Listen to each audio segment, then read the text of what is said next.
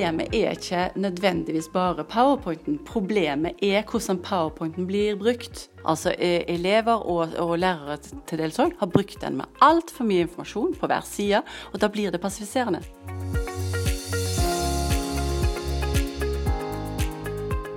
Du lytter til Klar, ferdig, undervis, en podkast fra Universitetet i Stavanger. I denne episoden treffer du Anne-Elisabeth Laksfoss Cardoso, førsteamanuensis ved samme universitet.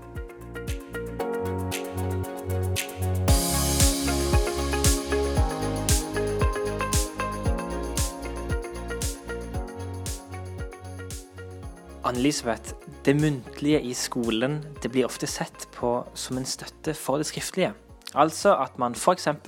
gjennom samtale kan komme fram til et innhold i en skriftlig tekst. Hvorfor har det blitt sånn, tenker du? Jeg tror jo at eh, det har handla om eh, kontroll en del, sånn at lærere føler seg mer komfortable med at de har et produkt. Det er et skriftlig produkt. Det kan eh, analyseres og skrives eh, kommentarer på, og så kan det gis tilbake til eleven. Og det har det tradisjonelt sett eh, vært mye mer Altså det, det, å ha en muntlig evalueringssituasjon, og så du, skal du komme tilbakemelding med det, og så kan du ha en krangel på hva som har blitt sagt, og hva som er oppfattet, så kan du få en sånn vaghet eller upresishet som lærere tradisjonelt kanskje er litt u, føler ubehag ved det. Men det mener jo jeg at handler om å, å, å, bli dyktig nok på å lage kriterier på, og forventninger, og utarbeide eh, fra læreplaner eh, læringsmål, og, og visualisere òg for elevene hva det er som kreves.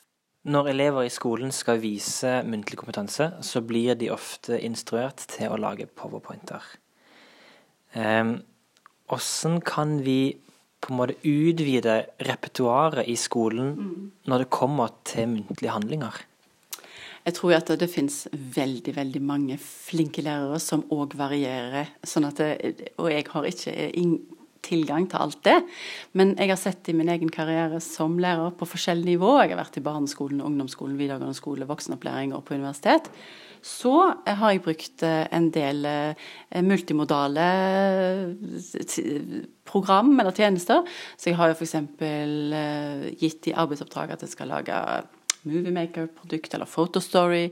En skal bruke Audacity til å lage en lydfil. Jeg kan bruke eh, en, en Audacity-lydfil som gir tilbakemelding til, eh, til, elevene mine når de har gjort et produkt.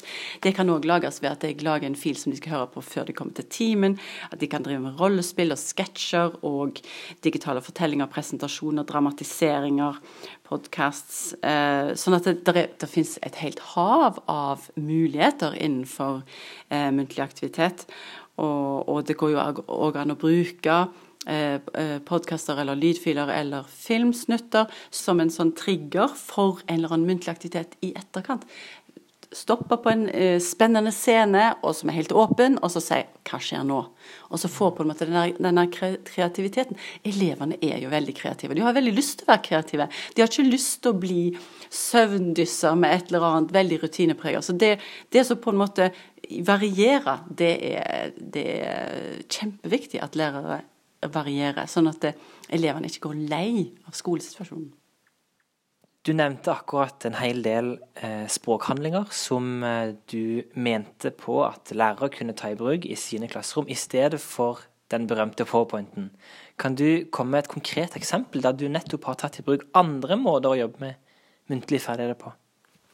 Ja, så vi har eh, i dette her norskkurset vårt, da, som er et sånt helårskurs på Universitetet i Stavanger for internasjonale studenter som skal studere på norsk etterpå, så har vi hvert år et prosjekt som heter Norge i verden. og Da handler det om Norges eh, relasjoner til andre land og andre organisasjoner. Og Tidligere så har vi hatt at de skal lage en, en vegg, eh, en plakat, og, for, og, snakke om den. Så det blir jo en del. Og de har hatt en powerpoint. I år så gikk vi et steg videre og så sa vi OK, har dere lyst til å prøve å lage en podkast? Og det ble veldig spennende. En veldig spennende prosess som vi fikk veldig positive tilbakemeldinger på.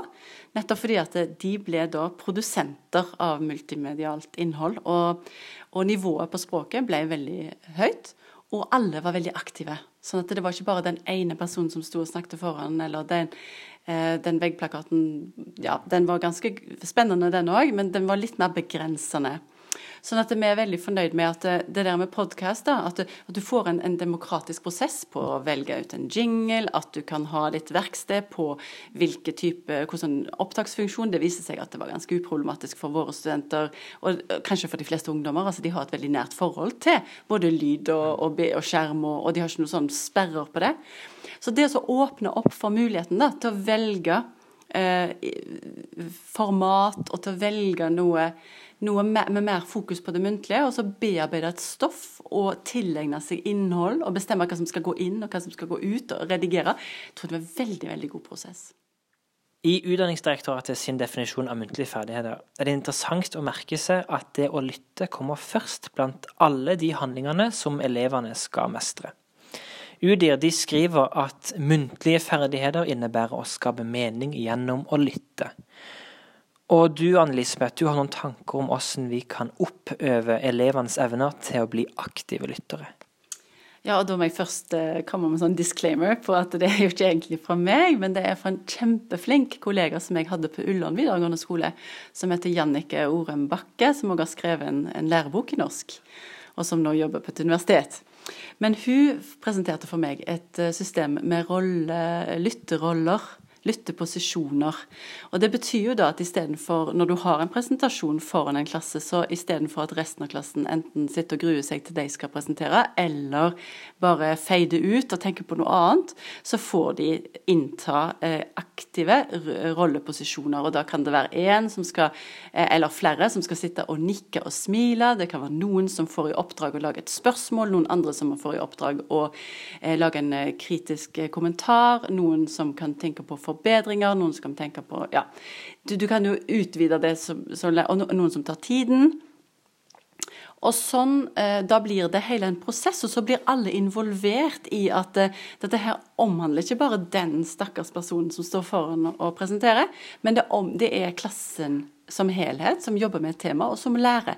Og den læringen tror jeg jo da òg blir økt betraktelig. Så eh, roll, um, Hovedpoenget her er på en måte aktivitet i klasserommet.